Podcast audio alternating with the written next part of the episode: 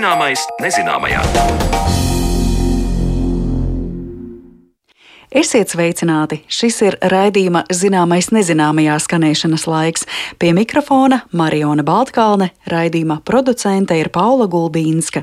Varētu teikt, ka mūsu šīs dienas raidījumā mēs no jauna pārskatīsim un vēl vairāk pavērsim priekškaru attiecībā uz to, cik tālu pavirzījusies ārpus ķermeņa apaugļošana. Mazuļa radīšana, izmantojot trīs cilvēku DNS, lai novērstu neārstējamu slimību nodošanu bērnam, ir risinājums risinājums, kas izmisumā varētu sniegt palīdzīgu roku daudzām ģimenēm. Pasaulē par šādu mazuli ar trīs personu DNS dzirdam ne pirmo reizi, bet šogad šādu ārstu sasniegumu uzzinājām atkal, un šoreiz šāds mazulis piedzimis Lielbritānijā. No kādām saslimšanām šī metode pasargā un cik pieejama tā varētu būt, skaidrosim raidījuma otrajā daļā. Bet sāksim vēl ar kādu stāstu par bērniem, proti atsauksim atmiņā, kā notiek notiek bērnu atmiņas veidošanās. Atmiņas par agru bērnību ir individuālas. Kāds atceras tikai pirmos skolas gadus, bet cits apgalvo, ka atceras sevi jau no pirmajiem dzīves gadiem. Kāda ir atmiņas attīstība cilvēka mūžā, par to vairāk ierakstā no mūsu arhīva. Kurā brīdī bērnībā sāk veidoties mūsu atmiņas un kā tās rodas tālākās dzīves laikā?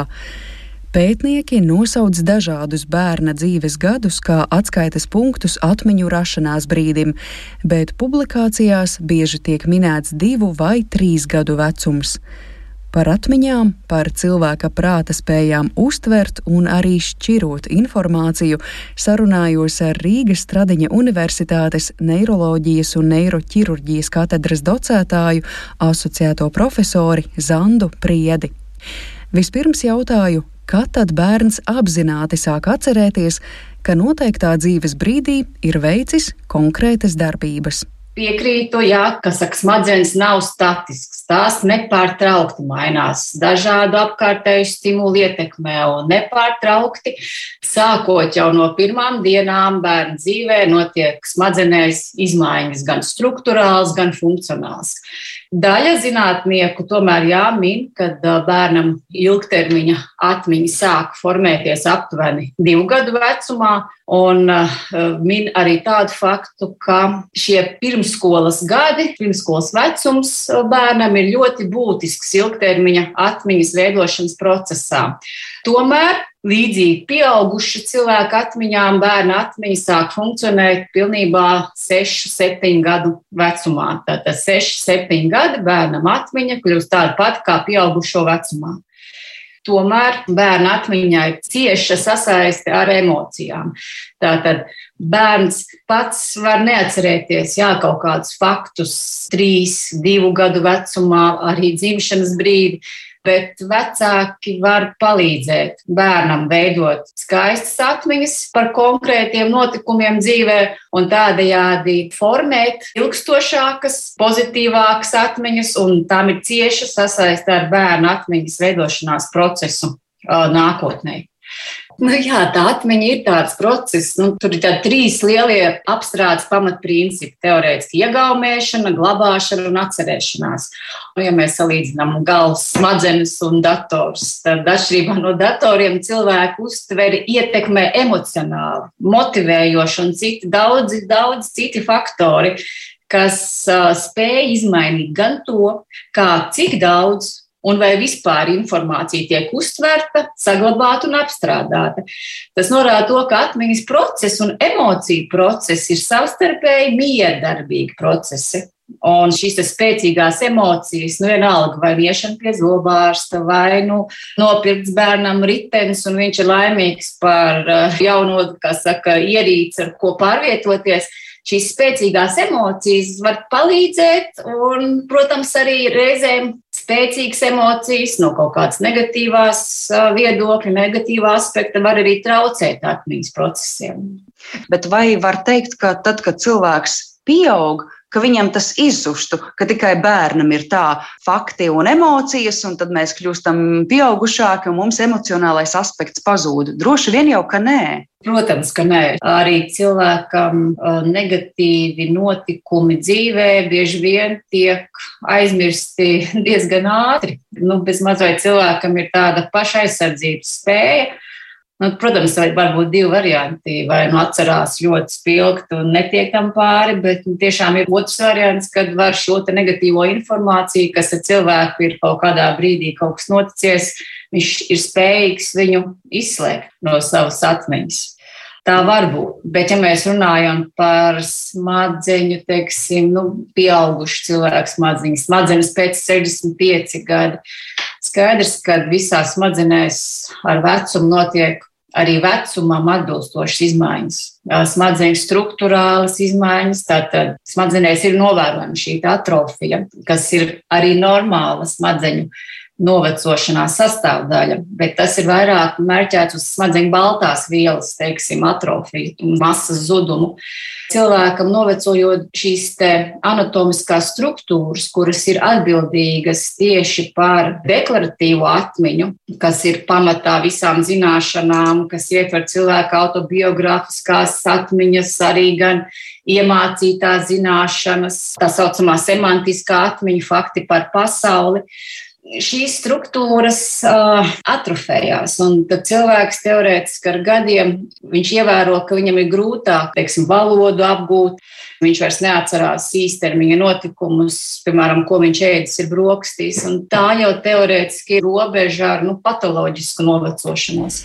Zanda Priede skaidro, ka cilvēka smadzenēm nepārtraukti ir jāsaņem stimuli no ārpasaules, ir jāvada un jākontrolē smadzeņu starp neironālie procesi un smadzeņu pusložu saistības. Savukārt šāda stimulācija un mācīšanās sekmē neiroplasticitāti, un tas nozīmētu, ka, piemēram, cilvēkam cienījamā vecumā nebūtu novērojami strauji atmiņas defekti. Tāpēc speciālisti daudzkārt uzsver, ka mācīšanās, tostarp jaunas valodas apguve arī senioram, ir tikai apsveicama un pat vēlama. Jā, galvas smadzenes ir sarežģīta struktūra, taču ar ļoti augstu funkcionēšanas un pašorganizācijas spēju. Tādējādi par labu nāks jebkādi kognitīvie stimuli un treniņi, un tas attiecināms arī uz maziem bērniem un valodas apguvi.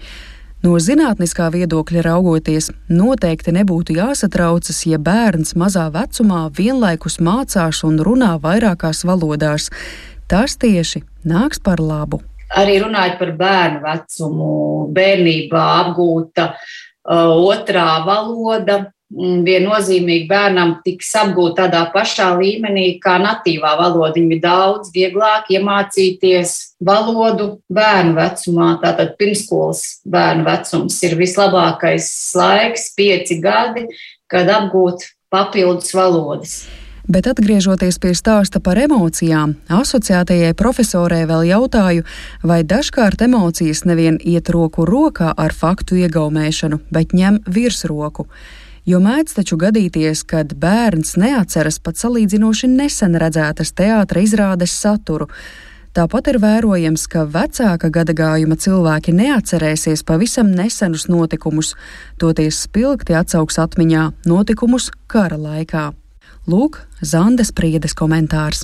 Vienu no laika perspektīvas atmiņas procesu teorētiski iedala īstermiņa, jā, jeb darba atmiņa, jeb operatīva atmiņa, kurā ir kaut kāda noteikta ietilpība, un tā mainās atkarībā no vecuma un dažādiem citiem bioloģiskiem nosacījumiem. Tas iepriekš minētais fakts par dažādu smadzeņu struktūru ar vecumu saistītu novecošanos šīs struktūras teiksim, mainās, tad, ir novērojama galvas smadzeņu struktūru apjoma samazināšanās, jeb tā saucamās atrofijas, un tādējādi arī šī darba atmiņa un operatīvā atmiņa ar gadiem teorētiski izmainās.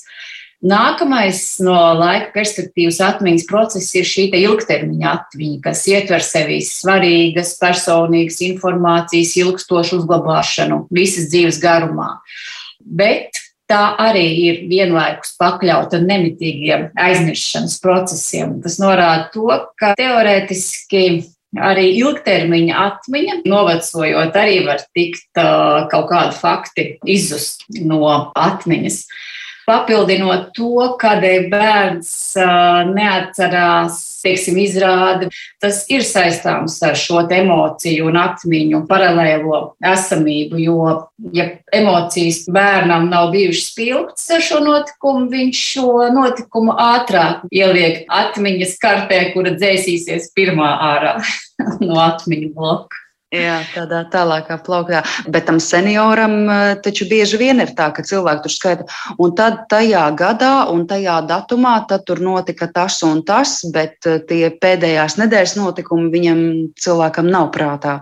Nu jā, tas ir tipiski cilvēkam novecojot, veidojās jā, šis amnēzijas veids, ka pacients neatcerās īsa laika perioda, tātad īstermiņa, jeb darba atmiņas, kaut kādus, piemēram, faktus, kaut kādas ikdienas aktivitātes, vai nu dienas, vai nu nedēļas notikumus, bet viņš ir spējīgs izstāstīt tieši tādu un vēl vairāk pastāstīt, varbūt kā jebkad par kaut kādu pagātnē esošu notikumu. Un ir tāds fakts, kā tas saucamais Mandela efekts termins, kad, piemēram, liels cilvēku skaits nepareizi atminējās kādu faktu. Un kā piemērs arī ir Nelsona Mandelas vārdā tieši saistīts ar viņu šis notikums, kad uh, viņš nomira 2013. gadā. Un liels daudzums cilvēku bija pārliecināti jau, ka viņš ir nomiris 2010. gadā un ka viņš ir miris uh, cietumā un jau pirms vairākiem gadiem. Un pat daļa cilvēku, kas tika aptaujāti, viņi uzstāja, ka viņi pat televīzijā bija redzējuši šo notikumu, viņu bērns. Tāds literatūrā termins bieži vien tiek aprakstīts Mandelas efekts, kas īstenībā ir balstoties uz šo notikumu. Tātad nepareiza, pretrunīga informācija, un cilvēkam ir traucēta spēja kritiski domāt, vai arī nevarēšana vai nevēlēšanās patērēt kaut kādu laiku, lai šo informāciju izšķirotu un apstiprinātu, un tādējādi radās šis nepareizais domāšanas rezultāts.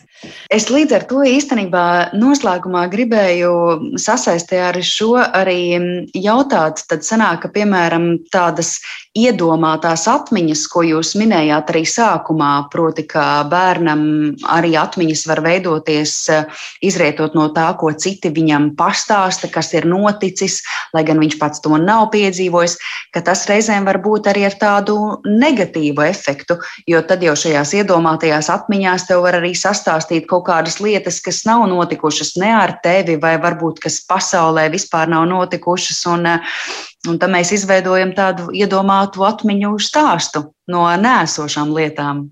Teorētiski, jā, nu te ir jāsaist, protams, ar šo informācijas spēju uh, apstrādāt, spēju uztvert un interpretēt pareizi, nelasīt pirmos avīžu virsrakstus, jeb internetā, teiksim, informācijas kaut kādas lapas, neatvērt šo kritisko domāšanu ir jāsaglabā.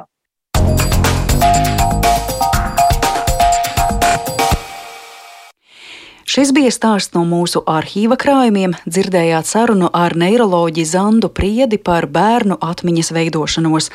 Bet ko nozīmē radīt bērnu ar trīs cilvēku DNS, par to plašāk jau pēc brīža.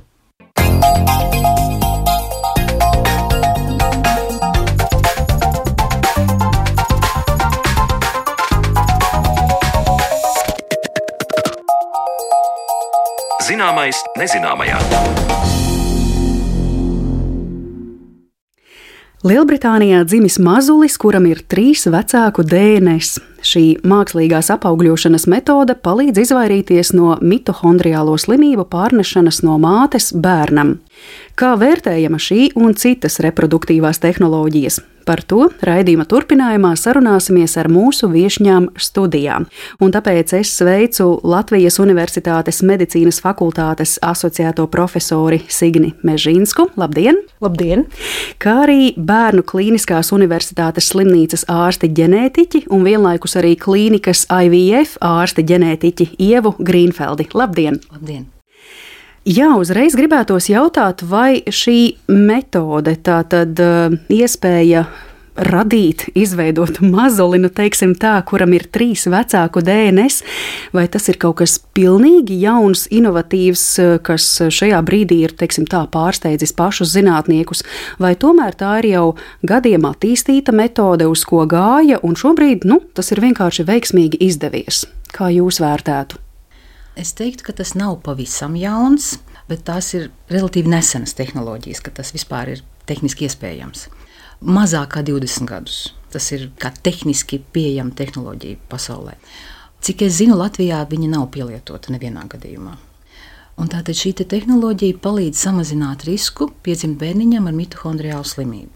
Mitohondriālas slimības nozīmē to, ka cilvēkam ir traucēta mitohondrija funkcija. Mitohondrija ir šūnas enerģijas fabriks, kas nodrošina mums visas dzīvības funkcijas. Ja nestrādā mitohondrija, šūnā, jeb organismā tiek izslēgta elektrība. Nekas nenotiek. Un tātad visvairāk cieši tie audi, kuri visvairāk patērē enerģiju. Tās ir smadzenes, muskuļi, sirds, acis. Un mitohondriālās slimības dalās divās apakšgrupās. Ir kodola gēnu noteiktās mitohondriālās slimības un mitohondriju gēnu noteiktās mitohondriālās slimības. Tagad jums tālāk vēl jāpaskaidro, jā, kā tas jā, atšķiras. Jā, tātad mitohondrijas ir tāda organela, kura tātad ražo enerģiju, un viņai ir savs DNS, savs genoms. Mitohondrijām ir 37 gēni, un mitohondrija DNS ir cirkulārs, viņš ir apaļš. Tas ir pilnīgi citas struktūras Tā nav DNS dubultspirāli kā kodolā, tas ir mazas apaļas cirkulāras DNS molekulas. Un tur ir 37 gēni. Un tad mitohondrijas nespēja uzbūvi nodrošināt tikai ar saviem gēniem. Viņš ir atkarīgs no kodola gēniem, kuri nodrošina mitohondriju olbaltumu veidošanos. No evolucionārās bioloģijas viedokļa pieņems, ka mitohondrijas kādreiz bija atsevišķa baktērija, kas ienāca dzīvot šūnā ar kodolu, zaudējot savu neatkarību, bet iegūstot labāku vidi dzīvošanai. Un tā veidojās daudzšūnu organismi. Un mitohondrijas ir daļēji saglabājuši šo savu neatkarību. Viņam ir daļa sava genoma, bet ne pilnībā. Viņš ir atkarīgs arī no kodola gēniem, lai varētu funkcionēt. Tā kā ja ir kodola gēnā kļūda, patoloģisks variants, tas var izraisīt mitohondrija funkciju traucējumus. Mitohondrijas nespēja strādāt, jo kodola gēnā ir problēma. Tā ir mitohondriāla slimība, ar izpausmu tāda pat kā citas mitohondriālās slimības. Bet pārmantošanās tips, piemēram, ir biežāk ir autosomā recesīvs. Tas nozīmē, abu vecāku gēnu kombinācija dod risku, ka bērniņam būs šī mitohondriālā slimība. Tad tas pārmantojās caur abiem dzimumiem, abu vecāku gēnu kombināciju. Mitohondriāliem gēniem pārmantošanās tips ir pilnīgi savādāks Viņi mantojās tikai no mātes. Tēvs savus mitohondrijus pēcnācējiem nenodod. Tātad, ja sievietei ir problēma mitohondriālajā DNS, viņa visiem saviem bērniem nodos šo patoloģisko mitohondriju DNS. Tā kā, ja sievietei ir tāda slimība, viņai varbūt viņa maiga relatīvi, un viņai risks uz bērnu ar šo mitohondriālo slimību ir 100%. Nu, tuvu 100. Vienmēr ir bioloģiskie fenomeni, kur var pamainīt šos iznākumus, bet risks ir tuvu 100%. Tāpēc pirms šīm te jaunajām tehnoloģijām, tātad sievietei, kurai ir problēma mitohondriju gēnu DNS, bija opcijas vai nu adopcija, vai donora solšūnu izmantošana, bet tad tas bērniņš bioloģiski nav viņas vispār, nu, vai ir dzīve bez bērniem. Ja, jo, kā, ja ir īpaša tā slimība, piemēram, viens bērniņš piedzima un tad ar smagu mitohondriālu slimību nomira, tad mēģināt vēlreiz cerot uz retu dabas fenomenu, ka paveiksies, nu, pārsvarā cilvēki uz tādu risku neiet. Mm -hmm.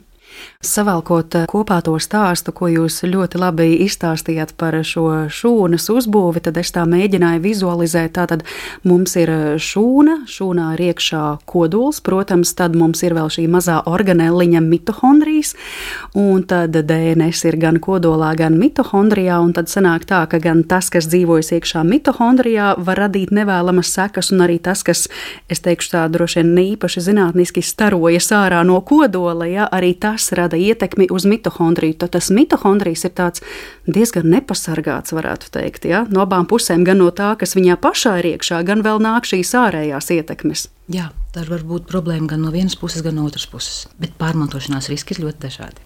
Kādas mēdz būt mitohondriālās saslimšanas, ko māte var nodot savam bērnam? Mitohondriālās slimības tās izpausmju spektrs ir ļoti, ļoti plašs. Kā mums vienā konferencē teica, mitohondriāla slimība var izpausties jebkuram cilvēkam, jebkurā vecumā, ar jebkādiem simptomiem.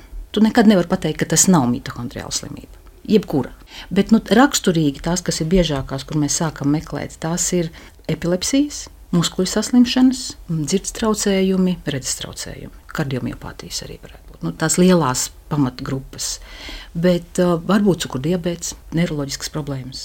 Tie orgāni, ja, kuri to enerģiju patērē, jo mitohondrijas ir šūnas spēks, ir skaidrs. Tālāk uh, par šo tehnisko procesu, nu, ko tas īsti nozīmē veikt mākslīgo apaugļošanu ar trim DNS, kas tur tagad īsti notiek. Skaidrs, ka mums ir olšūna, un tad mums vēl kaut kas tiek likts klāt, vai jūs varat šo procesu iezīmēt?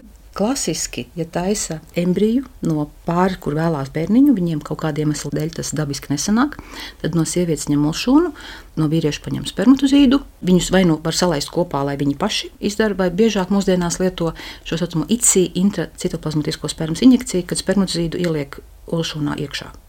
Tas ir kontrolētāks process.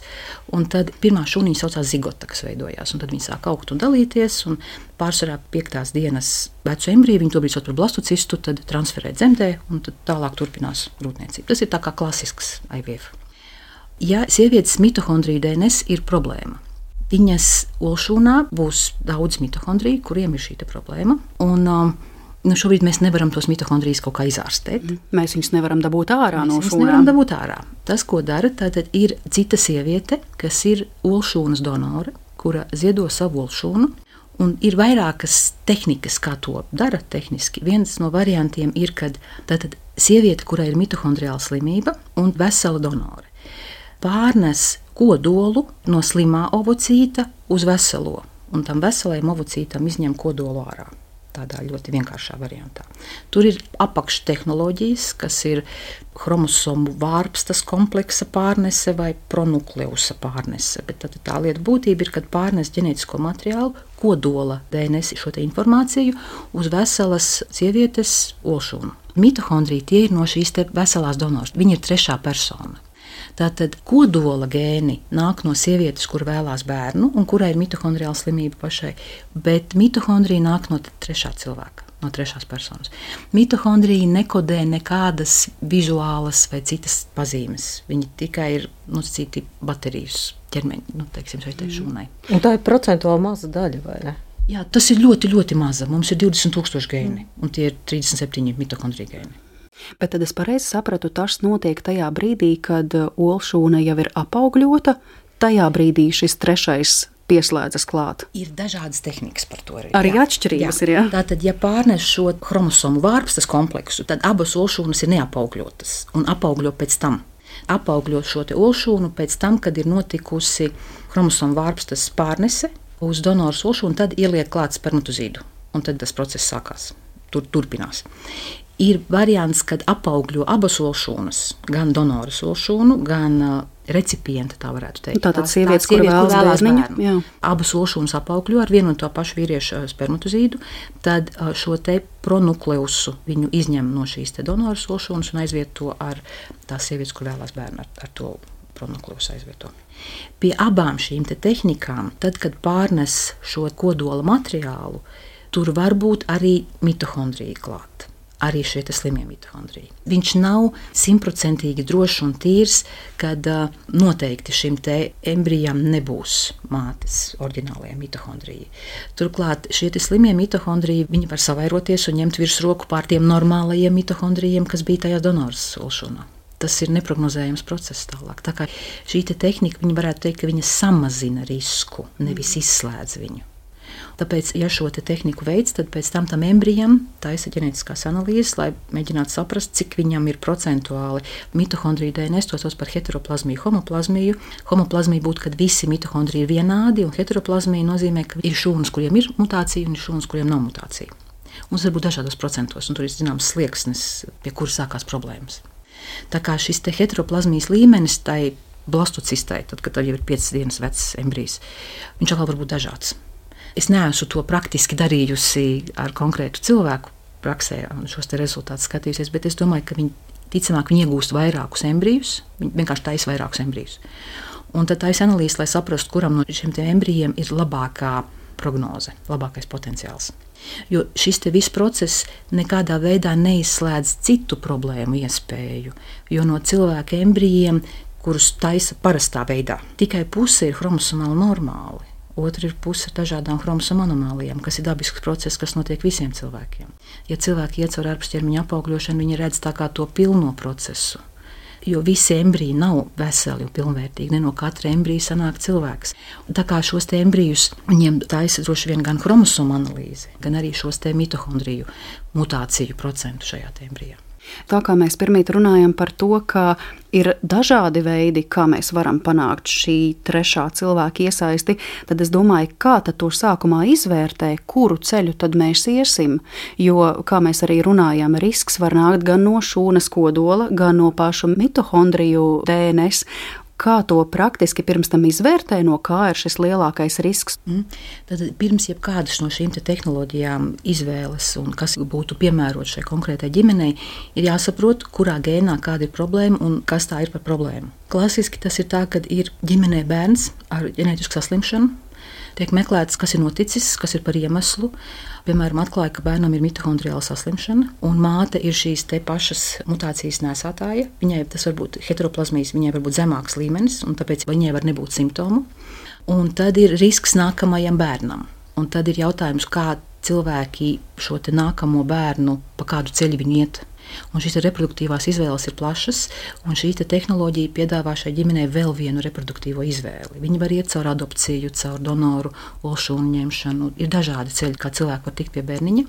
Un šī mitohondriju aizvietojošā terapija, to tā varētu saukt, ir viens no ceļiem, kas viņiem palielina risku tikt pie vesela pēcnācēja palielina risku vai palielina iespējas. Iespēju. nu, tad tagad man rodas jautājums, eh, cik procentuāli lielā mērā šāds bērns eh, ģenētiski atbilst savam tēvam un mātei, un cik daudz gala rezultātā eh, tam, kas to pēc mākslīgās apaugļošanas ir no trešā cilvēka. Es domāju, ka nu, tāds jautājums daudziem rodas. Mēs vēl arī par ētiku noteikti parunāsim, bet jā, varētu iezakties, nu, cik daudz ir no tā oriģināla ja, un cik ir klāta. Vairāk kā 99% ir no tā, kas ir. Mēs esam nomierināti. Jā, tas ir. Nu, tur ir tā, 22,000 pret 37. Tas ir nesalīdzināmi. Tas ir 0,00. Bet mm. es domāju, ka tam ir maza saistība ar ētiku. Es teiktu, ka tas jautājums par procentiem ētikas jautājumu lokā ir teiktu, viens no tādiem marginālākajiem. Jo skaidrs, ka pirmais jautājums, ja runā par ētiku, būs par tehnoloģijas drošību. Protams, uzreiz ir jautājums, cik droši ir šī tehnoloģija, un kā mēs redzam, nu, nav viņa simtprocentīgi droša, bet skaidrs, ka neviena tehnoloģija nav simtprocentīgi droša, un tad seko jautājums, kā izskaidrot šiem cilvēkiem, kuri meklē risinājumu, kādi ir riski, kādi ir potenciālie iegūmi un kā viņus aizvest līdz iespējamajam, labākajam risinājumam viņu situācijā, pie tam dodot visu nepieciešamo informāciju. Jo lēmums ir informēts tad, ja cilvēks zina, kādas ir viņa iespējas. Un tas ir ļoti sarežģīts process. Pie tam šīs tehnoloģijas, nu, viņas ir pasaulē vēl ar vienu eksperimentālas, un es pieļauju, ka tas jautājums, kuru no veidiem izvēlēties, tas varētu būt arī kaut kādos gadījumos atkarīgs kā uh, konkrētā ārstu zinātnieku grupa, ar ko viņi strādā, kādu veidu viņi izmēģina, un kas ir tas veids, kas viņiem tehniski šobrīd ir vairāk pieejams. Tā kā tur ir ļoti daudz jautājumu. Jā, es mazliet gribēju vēl attīstīt tieši šo stāstu par eh, drošību, jo mēs šobrīd eh, runājam par to, ka jā, Lielbritānijā šis mazulis ir dzimis, bet eh, šī nav pirmā reize, kad publiski kaut kas tāds izskan, jo pirmais mazulis patiesībā dzima 2016. gadā Amerikas Savienotajās valstīs. Tagad tas ir noticis arī Lielbritānijā, bet ir pagājuši septiņi gadi. Šo gadu laikā nu, mēs neesam tā intensīvi dzirdējuši, ja, ka būtu masveidā sadzimuši mazuļi ar trīs vecāku DNS. Kur slēpjas tas stāsts? Tā tehnoloģija ir pietiekami sarežģīta, vai tomēr tur ir daudz riska faktori? Tātad tomēr drošības iemesls ir tas, kāpēc tas nav tik ļoti attīstījies. Kā jūs vērtējat? Pirmkārt, ir ļoti maz valstu, kur tas ir atļauts. Būs valstis, kurās tas nav neatļauts, neaizliegts, kā piemēram Latvijā. Likums par to neko nesaka, bet eh, ir valstis, kur eh, šādas darbības ir skaidri ar likumu aizliegts, vai viņām ir nepieciešama īpaša atļauja. Tas, es domāju, ir viens iemesls, jo ir ļoti daudz diskusiju par jebkuru jaunu reproduktīvu tehnoloģiju. Otrs, nu, tas droši vien ir ģenētiķa jautājums, cik bieži tas vispār ir nepieciešams. Pie tam mēs redzam, ka ir jau alternatīvas. Tas nav vienīgais risinājums. Tas ir risinājums, ko vecāki izvēlas kā vienu no, un tas nav ne vienkārši. Daudzās valstīs tas varētu būt ļoti dārgi, un vēl vesela virkne citu papildus apsvērumu ir, kāpēc to izvēlēties vai neizvēlēties. Bet Lielbritānija šobrīd aizvien ir vienīgā valsts, kura ir tā oficiāli akceptējusi šo metodi. Man šķiet, ka nē. Nu jau ir, ir pavērties. Ir vairāk. Ja? Man šķiet, ka ir gan Austrālijā, un man liekas, ir arī citas valstis. Es nepateikšu precīzi, bet Lielbritānija nav vienīgā. Mm -hmm. Ir vēl, protams, valsts, kā kolēģi teica, kur tas nav aizliegts, nav atrunāts. Mm -hmm. Bet tad, tā ir reta slimība. Mitohondriālas slimības ir retas. Un, um, kā arī kolēģi teica, ka viens ir, ka ģimene var izvēlēties iet dažādus ceļus. Tā, tā ir ļoti specifiska situācija, kad ka ģimene izvēlētos šo ceļu, un viņiem jābūt arī materiāli spējīgiem. Tas nav valsts apmaksāts pakalpojums, arī Latvijā tas nebūtu. Bet tas Latvijā šobrīd tehniski arī mums nav bijis tāds pacients. Par šīm te tehnoloģijām viņas ir jāatstrādā, jāprot darīt tas. Ja, ja būs viens pacients reizes desmit gados, tad es teiktu, ka šo tehnoloģiju nav vērts uzturēt. Tad būtu droši vien tam pacientam jābrauc uz to klīniku, kur to dara vairāk. Līdz ar to jautājums, vai diagnosticēt mitohondriālās saslimšanas ir vienkārši, jo varbūt īstenībā ir liels skaits cilvēku, kuriem tādas ir, nu, ja mēs runājam par sievietēm, bet kuras vienkārši to nezina. Noteikti tas ir stāsts par reto slimību izmeklēšanu. Tātad bērni ar dažādām problēmām nāk pie ģenētiķa. Teiksim, ja mēs, piemēram, taisām epilepsiju gēnu paneli, tur mitohondrija gēni visu automātiski uzreiz ir iekšā. Un tad kas, kas kam atrodas? Un mitohondriālas slimības nav tik biežas. Viņas ir retas, bet viņām šis izpausmju spektrs var būt tik dažāds. Nu jā, tie specifiski vilmaiņas traucējumi jā. un viss pārējais, ko jūs runājat. Bet, nu, jā, stāsts arī par nonākšanu pie pareizā speciālista pareizajā laikā. Riskus jau Mežīnskas kundze jūs mazliet iezīmējāt. Ir zināms, kādus riskus šī metode varētu nest līdzi. Varbūt kaut kādas saslimšanas atkal laika gaitā iznāk ārā, pat ja mēs esam tādu drošību uztaisījuši ar šo mākslīgo apaugļošanu. Te nav drošības. Tas būtu naivi. Kas neriskē, tas nestum ratiņus. Cita mm. ceļa nav. Tas ir risks. Jebkurš bērns ir risks. Jebkuriem cilvēkiem, kuriem viss ir skaisti, labi un pareizi, populācijas risks uz iedzimtiem defektiem ir 3%. Viņš ir visiem, absolūti visiem. Tie atliek riskēt, mēģināt un cerēt uz labāko. Specifiski šīs metodes papildus riski. Mēs sākumā runājām, mitohondrijas ir atkarīgs no kodola gēniem. Lai viņš varētu veidot šos olbaltumus, viņš saņem informāciju no kodola gēniem. Jautājums ir par mitohondriju un kodola gēnu sadarību. Labs jautājums. Grūti pateikt, cik šī šūna būs funkcionāla. Ir doma, ka mēģināt arī piemeklēt šo donoru, kurš būtu saderīgs, bet kā to izvērtēt, ir grūti pateikt. Tā kā nav tā, ka mums viss būtu skaidrs, ka būtu skaidri definēts un mēs zinātu ilgtermiņa prognozi, kas ar šo bērnu būs, kad viņam būs 40, kad viņam būs 60 gadi. Tā ir daļa, kur mēs vienkārši nezinām, tik tālu vēl tas nav aizgājis. Un mitohondrija uzvedās dažādās ķermeņa šūnās, dažādi viņi var uzvesties. Un tad ir problēma, sākās, kad ir pietiekamā skaitā šūnu sasniegs šis patoloģisko mutāciju slieksnis. Tas, kad mēs sakām šim blastocistai jaundzimušajam bērnam, nav mitohondriāla slimība, jautājums tieši kā mēs to varam zināt. Mēs taču viņam netaisīsim smadzeņu biopsiju, lai mhm. pārbaudītu mitohondriju heteroplazmiju smadzenēs, vai aknās, vai sirdī. Tā kā mēs pieņemam, ka viņš izskatās vesels, un tajos audos, kurus mēs varam pārbaudīt, ir zema, zems procents vai nekāds. Par citiem audiem mēs nezinām. Mm -hmm. Nu jā, tādēļ ir tik ļoti svarīgi veikt ilglaicīgus pētījumus, skatīties, kas notiek, kas ar šiem bērniem notiek uh, laika gaitā. Un es saprotu, ka tajās valstīs, kur to dara, tur tiešām arī ir uh, gan prasības, gan paši zinātnieki seko līdzi. Nu, tas ir tikko, tikko sācies, bet ir plānots sekot līdzi un izvērtēt un skatīties, kā šī tehnoloģija darbojas. Tas, protams, palīdzētu atkal sniegt vairāk informācijas šiem potenciāliem vecākiem. Jo tas ir kā ar jebko medicīnā, jebkurām zālēm ir blaknes. Jebkurai tehnoloģijai ir riski, bet uh, lielākais izaicinājums ir, kā izvērtēt un kā arī individuālā sarunā ar šiem vecākiem atbalstīt viņus un palīdzēt atrast tieši viņiem labāko risinājumu. Bet riski ir, tas skaidrs. Ir zināms, kā šis liktenis attīstījās tālāk tam mazulim ASV 2016. gadā. Ja drīkst, tad Jums te uzreiz ir, ir tie ētikas jautājumi. Un tad, kad es arī lasīju par šo jauno Lielbritānijas gadījumu, man likās ļoti pozitīvi, cik ļoti uzmanīgi Lielbritānijā runā par šo gadījumu. Jo tie, protams, ir privātuma riski.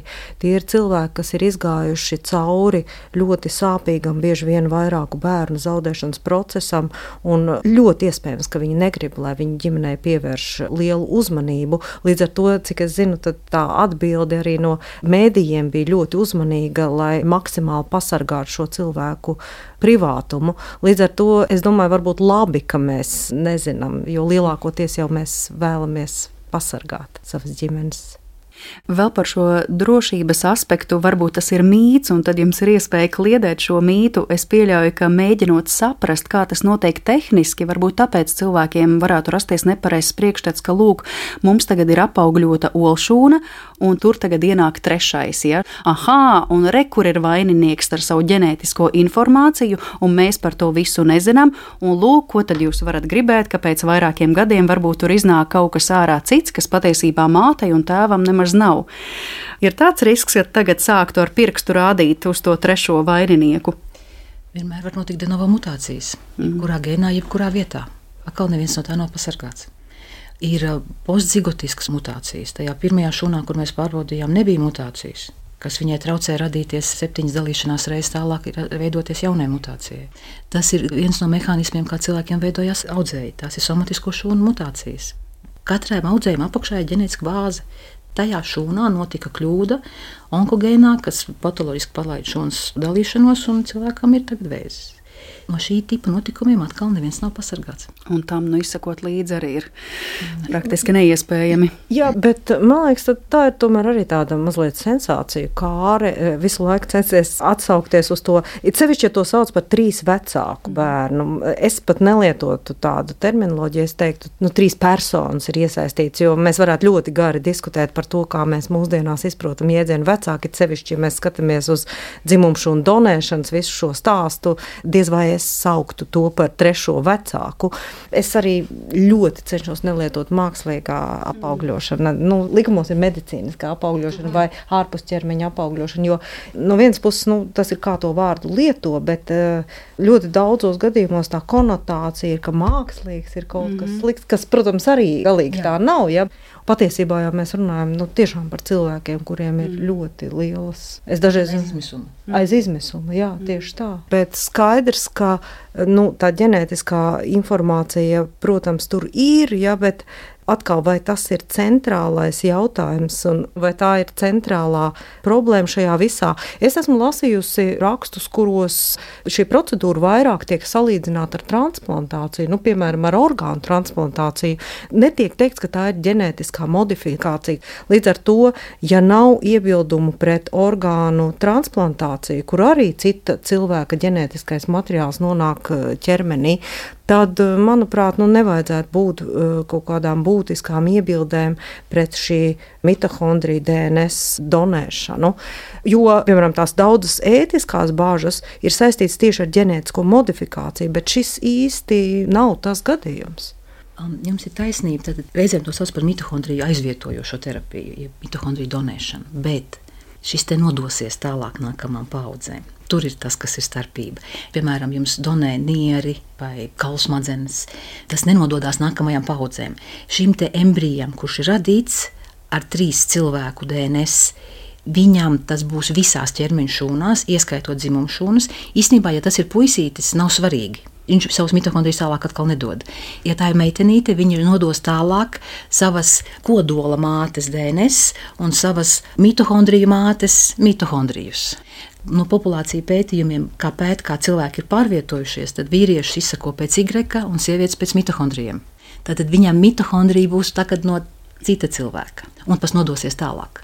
Vai tas ir svarīgi vai nē mūsdienu sabiedrībā, kur cilvēki pārvietojās un jaucās, vai tas ir svarīgi vai nē, es nezinu, bet tas mantosies nākamajās paudzēs. Mitohondrija būs no tās ģimenes. Mm. Kas, protams, kaut kādā ziņā nu, jau pati šī izvēle, ka ir svarīgi, lai bērns būtu ar šo vecāku ģenētisko informāciju, tā norāda, ka mums tas ir svarīgi. No otras puses, tas ir mazs procents, kas ir šajā gadījumā. Bet ģenētiskā saikne skaidrs, ka lielākajai daļai cilvēku ir svarīga, nu, lai tas bērns ir man līdzīgs. Mm. Bet tas, ko jūs minējāt par šo pazīmju pārmantošanos, nav tā, ka ar katru nākamo paudzi tur kaut kā tās pazīmes atšķaidās, teikšu atkal tā nezinātniski. Kā notiks mutācijas? Principā mitohondrijas mēs no savas mamītes, un tad viņa no savas mamītes, un tā ir tāpēc ir tā mitohondriālā ieva, kurai mēs visi esam pēcnācēji. Var notikt jau mutācijas pa virsmu, bet mitohondrijas mēs mantojam. Kādi nu viņi ir, tādi ir. Mežīnskas kundze, jūs salīdzinājāt šo procedūru mazliet ar eh, transplantāciju. Es gribēju vēl saprast, ko tas pieprasa sievietei, kas dod savu ģenētisko materiālu šai trešajai personai tādā procedūras ziņā, vai tas ir tehniski sarežģīti? Tas ir tāds pats ulšu un donēšanas process, kāds tas ir visos citos gadījumos, nu, kas ir diezgan nopietni iejaukšanās ar diezgan nopietniem riskiem. Jo skaidrs, ka sievietes dzimumšūnas ir jādabū ārā no ķermeņa, kas ir invazīva iejaukšanās, pie tam pirms tam ir jāstimulē šo olšanu rašanās un tā tālāk. Bet tas ir process, kura riski ne ar ko neatšķiras no citiem gadījumiem, mm. kad tiek donēts olšūnas. Bet bija divi šie veidi. Ir olšūnas un bija vēl Nē, cits variants. Abos gadījumos tas Abos. ir olšūnas jautājums, ko ar to olšūnu dara. Mm. Kādā veidā notiek šī ģenētiskā materiāla transfers no sievietes, kur vēlās bērnu, uz donoras olšūnu. Varbūt dažādas tehnikas, kurā brīdī ko pārnes. Kas, tas protams, dažu reliģiju skatījumā var radīt atšķirību, jo vienā gadījumā tā nav apaugļota olša, un otrā gadījumā process jau ir sācies. Un, ja tā ir reliģija, kur uzskata, ka dzīvība sākas vai cilvēks sākas no personas, sākas no ieņemšanas brīža, tad pret šo tehnoloģiju varētu kādam būt lielāki iebildumi nekā pret to, kad šī olšana ir neapaugļota. Bet nu, Jā. tur ir jābūt ļoti specifiskiem reliģiskiem uzstādījumiem. Jā, tas bija tieši mans jautājums, runājot par ētiku, vai tur varētu būt plaši kultūras un reliģiju aizspriedumi. Nu, atsevišķos pasaules reģionos droši vien, vai ne? Piemēram, Lielbritānijā, cik es zinu, Anglikāņu baznīca nav iebildusi. Tur bija kaut kāda mēdīju virsraksti, bet pēc tam bija tāds baznīcas paziņojums, ka viņi tomēr neiebilst pret šo. Bet Protams, ir dažādas šīs eh, reliģijas, un varētu būt iebil nu, iebildumi jau ir arī pret ošu un donēšanu, dažkārt eh, reliģiski, vai pret donēšanu vispār, vai donēšanu ārpus eh, tā pāra, kurš grib bērnu. Bet nu, atkal tie nav, manuprāt, vismaz mūsu pasaules daļā ļoti izplatīti iebildumi. Visbeidzot, ja mēs vispār runājam par reproduktīvajām tehnoloģijām, kā vispār šī jomā attīstās paralēli tam, par ko mēs šīs sarunas laikā esam runājuši, vai līdztekus tam ir vēl kaut kas jauns, par ko līdz šim ir mazāk dzirdēts, vai varētu būt, kā jūs raugāties? Tas, kas kādreiz bija fantastika, tagad ir prakse, ir embriju ģenētiskā izmeklēšana, embriju chromosomu pārbaude. Tas būtu tas preimplantācijas ģenētiskā testēšana, pārbauda chromosomu komplektu embrijam pirms transfēra, kas būtiski paaugstina veiksmīgu transferu risku, jo nu, tie embriji, kur ir bezperspektīvi, viņi tiek atlasīti uzreiz. Tātad sievietē nav tik daudz neveiksmīgu mēģinājumu. Jo katrā mēģinājumā viņas atcerās, viņa gaida, un tad ir atkal nesanāca. Tad tas ir vienkārši ne tikai no fiziskā, bet arī no psiholoģiskā aspekta, kad tiek atlasīti embriji, kuriem ir uzreiz stipri labāka prognoze. Vienkārši tiek atlasīti tie, kuriem nav perspektīvas. Tad ir PGTM, jeb preimplantācijas ģenētiskā testēšana mutācijām. Tad, ja ģimenē ir zināma ģenētiska saslimšana, tad var pārbaudīt šos embrijus un izvēlēties to embriju, kurš to nav mantojis. Un um, attiecībā uz embrijiem, teiksim, tā, embrijam ir mazāk tiesību nekā bērnam vai auglim. jo tas ir starpības starp grūtniecības pārtraukšanu un grūtniecības nesākšanu. Un tātad PGTM gadījumā būtu ētiski pieņemams arī, piemēram, atlasīt embriju, kuram nav augsts risks uz audzēju. Tas nebūtu pamats grūtniecības pārtraukšanai, jo tā ir slimība ar vēlīnu sākumu. Viņa var arī nekad nesākties.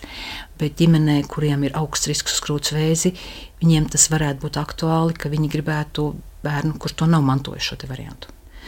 Tā kā ir šīs te diagnostikas tehnoloģijas, embrijiem viņas ir dramatiskā veidā attīstījušās, un viņas ir arī cenu ziņā tie no miljoni. Tas, protams, ir dārgi, tas pagaidām nav valsts apmaksāts, bet tehniski viņas ir pieejamas un tas ir iespējams par kaut kādām ekstra jaunām tehnoloģijām, bet tā joprojām nav kliniskā prakse. Ir mēģinājumi uztaisīt dzimumu šūnu no ķermeņa šūnas, no cilmes šūnas, uztaisīt dzimumu šūnu. Tas ir tā iespējams. Tas pagaidām nav iespējams. Dzīvniekos notiek... ir, bet dzīvniekos jā, ir. Bet, bet teiksim, tas ir mēģinājums šajā virzienā strādāt. Jo ir cilvēki, kuriem, piemēram, nav nemaz spermatozīdu, neviena, nekā. Bet no testes biopsijas nevar dabūt nevienu spermatozīdu. Tad ir varētu uztaisīt no viņa cilmes šūnas. No cilmes šūnas var uztaisīt jebko. Mm -hmm. Mums ir ķermenī ir cilmes šūnas arī pieaugušiem cilvēkiem ir cilmes šūnas. Tad, ja mēs noķeram cilmes šūnu, mēs varētu mēģināt uztaisīt no viņas spermatozīdu. Bet tā nav tuva nākotne. Bet teiksim, tā, par to runā, ir mēģinājumi, un tas ir tādā procesā. Mm. Nu, vēl ir ektoģenēze, tā, tātad mēģinājumi audzēt dzīvnieku, ne cilvēku, protams, šobrīd embrijus ārpus ķermeņa, tādos speciālos dzemdes aizvietotājos. Nu, arī ir šķidrums, droši vien ir redzēta attēli, kuros, piemēram, jērs tiek audzēts e, šādā procesā, bet skaidrs, ka arī šobrīd pat tajos dzīvnieku eksperimentos, kur ir, tas nav no paša sākuma, tie jēri tiek audzēti sākot no laika, kas atbilst eh, cilvēka embrija attīstībai, apmēram 24, 23 nedēļas no tā laika. Un atkal man jau liekas, ka eh, tā attīstība ir, viņa būs, un vienīgais jautājums ir, kā mēs šīs tehnoloģijas izmantojam. Ja, vai viņas tiek izmantotas kādu vēlmju piepildīšanai, un kur mēs novelkam tās robežas, kur mēs pasakām, ka šīs ir vēlmes, kuras nevajadzētu piepildīt ar tehnoloģiju palīdzību, vai mēs pasakām, tie riski ir pārāk lieli, vai saistībā ar šo embriju nu, mēs nevaram viņam ļaut izvēlēties, un tā iejaukšanās ir pārāk nozīmīga, lai mēs to ļautu. Bet no otras puses ir daudzas tehnoloģijas, kurām būs ļoti, ļoti šaura niša, ļoti specifiskos gadījumos, un ja runa ir par smagu slimību, novēršanu vai ārstēšanu, nu, tur ļoti daudzas tehnoloģijas tiks pieļautas, bet tā būs ļoti šaura niša. Nu, ar šo tehnoloģiju, tur, kur viņa ir atļauta, viņa ir atļauta tikai ļoti konkrētu uh, slimību novēršanai. To nevar uh, izmantot, piemēram, ja kādam ienāk prātā, ka viņš gribētu bērnu, kuram ir trīs personu ģenētiskais mantojums, kaut kādu iemeslu dēļ to neļaus izmantot.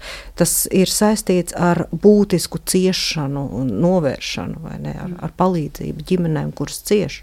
Un, ja šī niša ir gana šaura, tad vēršot skatu nākotnē attiecībā uz Latviju, kā jūs teiktu, nu, cik praktiski tas būtu iedzīvināms, vai drīzāk būtu, kā jūs, Grīnfelds kundze, teicāt, nu, varbūt jāmeklē kaut kur citur, cita valsts, kur tas tiek veikts tādā plašākā apmērā. Attiecībā uz mitohondriju donēšanu es domāju, ka tas būtu praktiskāk sūtīt pacientu uz to valsti, kur to dara, Jautājums, cik daudz būtu tādu pacientu? Ja mums būtu pieņemsim pieci gadā, tad tas būtu vērts mēģināt to palaist. Ja tas ir viens pa desmit gadiem, nu nē. Šobrīd tā statistika jā, nav tāda. Tā nav jā. tāda statistika. Tā, tā, protams, tiklīdz jo vairāk diagnosticē, nu, tas prasa zināmu laiku. Tātad ir diagnozes, piemēram, ir meitenīte ar mitohondriālu saslimšanu. Pie mūsdienu ārstēšanas metodēm viņa ir dzīva, pēc 20 gadiem viņa atnāks un pie doktora un teiks, es doktori gribētu bērnus, un es negribētu, ka viņi ciest no tās pašas slimības, kas būtu man. Tā kā, tad, kad tie bērni ar retām slimībām tiek labi ārstēti un aprūpēti, un tad viņi vēlās savus bērnus.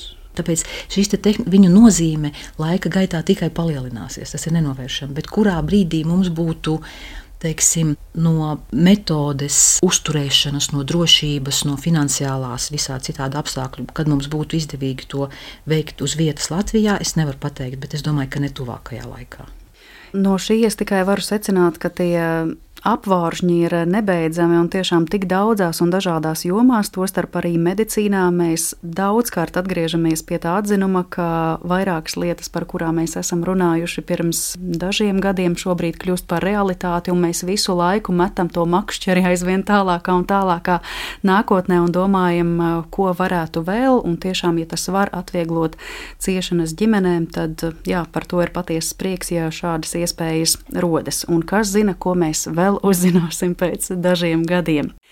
Šodien par sarunu saku paldies Latvijas Universitātes medicīnas fakultātes asociētajai profesorei Signei Mežīnskai un Bērnu Kliniskās Universitātes slimnīcas ārstei ģenētiķei un arī klīnikas IVF ārstei ģenētiķei Ievai Grīnfeldei. Paldies jums abām, ka viesojāties zināmais nezināmajā studijā, un par šo raidījumu gādāja producente Paula Gulbīnska, mūziku izvēlējās Girts Bišs, skaņu režijā bija Kristīna Della un ar jums sarunājās Mariona Baltkalne.